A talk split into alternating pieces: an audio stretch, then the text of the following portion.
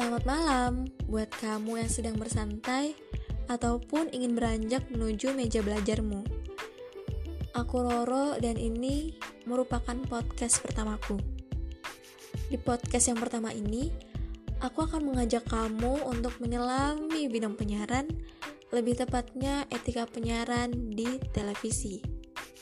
Mulai dari sejarah televisi hingga kasus-kasus yang dengan nggak sengaja ditayangkan di televisi. Seperti yang kita ketahui nih ya, televisi itu kan merupakan media massa yang bersifat audiovisual dan media ini nih yang paling digemari oleh masyarakat mulai dari anak-anak hingga kakek-kakek, nenek-nenek sekalipun. Nah, kalian pada tahu nggak nih stasiun televisi apa sih yang pertama di Indonesia? Jadi yang pertama itu TVRI dan siaran pertamanya itu juga menayangkan upacara peringatan Hari Kemerdekaan Republik Indonesia. Tentu saja ya.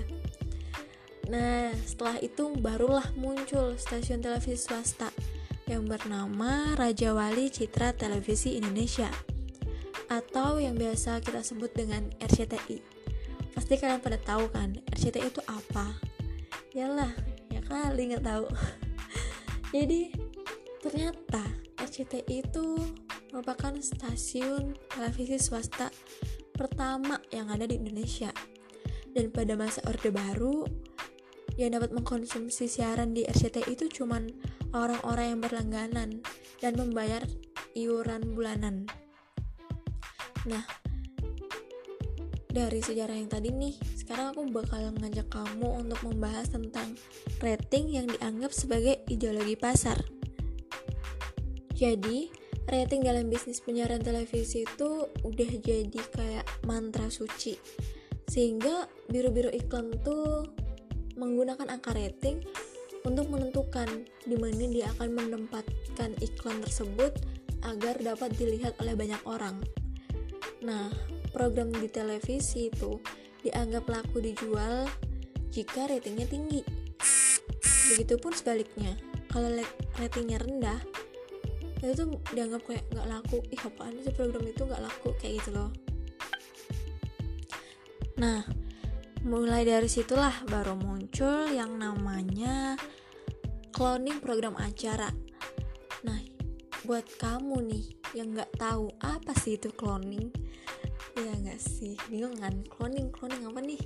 Nah jadi cloning tuh kayak acaranya tuh sama ya. Cuman tuh namanya dibuat berbeda. Nah aku kasih contoh ya. Waktu tahun 2000-an nih Akademi Fantasi Indosiar tuh lagi booming-boomingnya nih. Kayak lagi populer banget.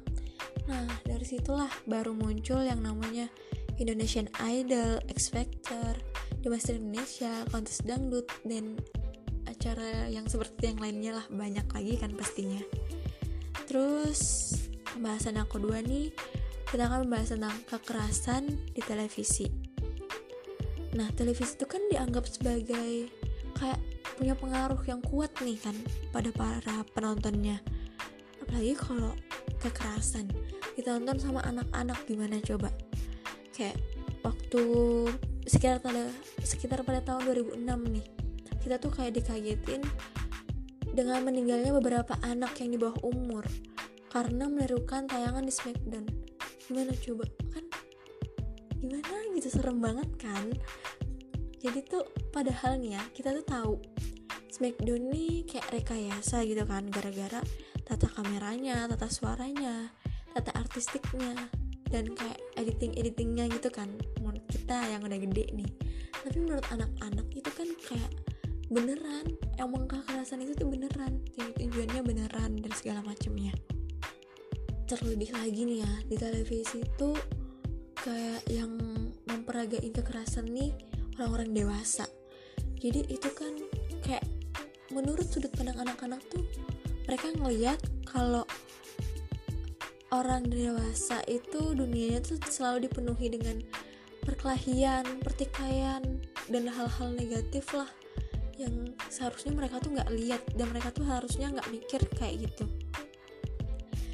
Jadi nih seharusnya tuh kayak program yang ada kekerasannya nih seharusnya nggak usah ditayangin di televisi. Pada saat anak-anak menonton televisi kayak mungkin ya kalau mau ada program yang ada kekerasannya bisa aja kan ditaruhin di jam yang malam banget.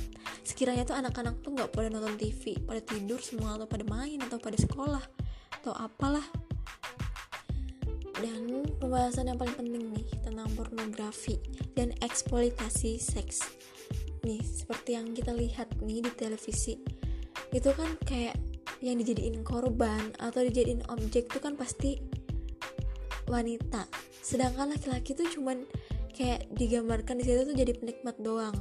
Jadi tuh kayak bisa memperburuk citra perempuan di mata laki-laki. Apalagi nih kalau adik-adik kalian atau sepupu kalian yang masih kecil nonton hal-hal yang begituan gimana? Pasti pemikirannya beda kan? Kita kan juga jadi ngerasa khawatir. Gimana coba kalau mereka anak-anak itu menirukan adegan yang ada di televisi. Pasti serem banget kan? Nah ada contoh nih. Itu tuh lagi siaran live. Itu program variety show yang ada di Trans TV judulnya tuh ketawa spesial ala Trans TV Nah itu pada tanggal 10 November 2005 Jadi tuh di situ tuh menampilkan ada bintang tamu Dia lagi pakai kemban tiba-tiba melorot gitu? Nah itu live kan otomatis kan langsung ketayangin di TV Tapi kan seharusnya ya itu kan bisa kayak dilakukan delay gitu loh nundain siaran langsung selama beberapa menit gitu di master control. Jadi itu juga bisa memberi ruang untuk produser biar bisa memilih gambar mana yang layak ditayangkan di televisi. Dan insiden serupa juga ada sih di apa kayak tingkat dunia yaitu di acara MTV Super Bowl 2004. Nah, jadi kan bukan hanya terjadi di Indonesia. Jadi harapnya ya itu tuh bisa jadi pembelajaran buat ke depannya agar siaran live tuh nggak langsung di livein gitu loh ya walaupun namanya live ya tapi tuh harusnya tuh nggak langsung karena kan kita nggak tahu apa yang akan terjadi di menit-menit ke depannya jadi nih ya dari semuanya kayak semua kasus-kasus tadi tuh menjadi tanggung jawab stasiun televisi. Seharusnya mereka tuh kayak tadi kekerasan tadi harusnya mereka tuh jangan kayak ini loh mementingkan rating. Karena kan tadi kekerasan tadi kan dilakukan gara-gara untuk memikat para penontonnya jadi tuh udahlah nggak usah mementingkan rating. Yang penting tuh itu tuh layak buat ditonton. Terus kan seperti yang tadi kita bahas kan televisi itu kan merupakan media massa yang paling digemari. Karena kita tuh nggak cuma bisa ngeliat tapi kita juga bisa ngedenger gitu loh. Kalau di radio kan kita cuma ngedengerin doang.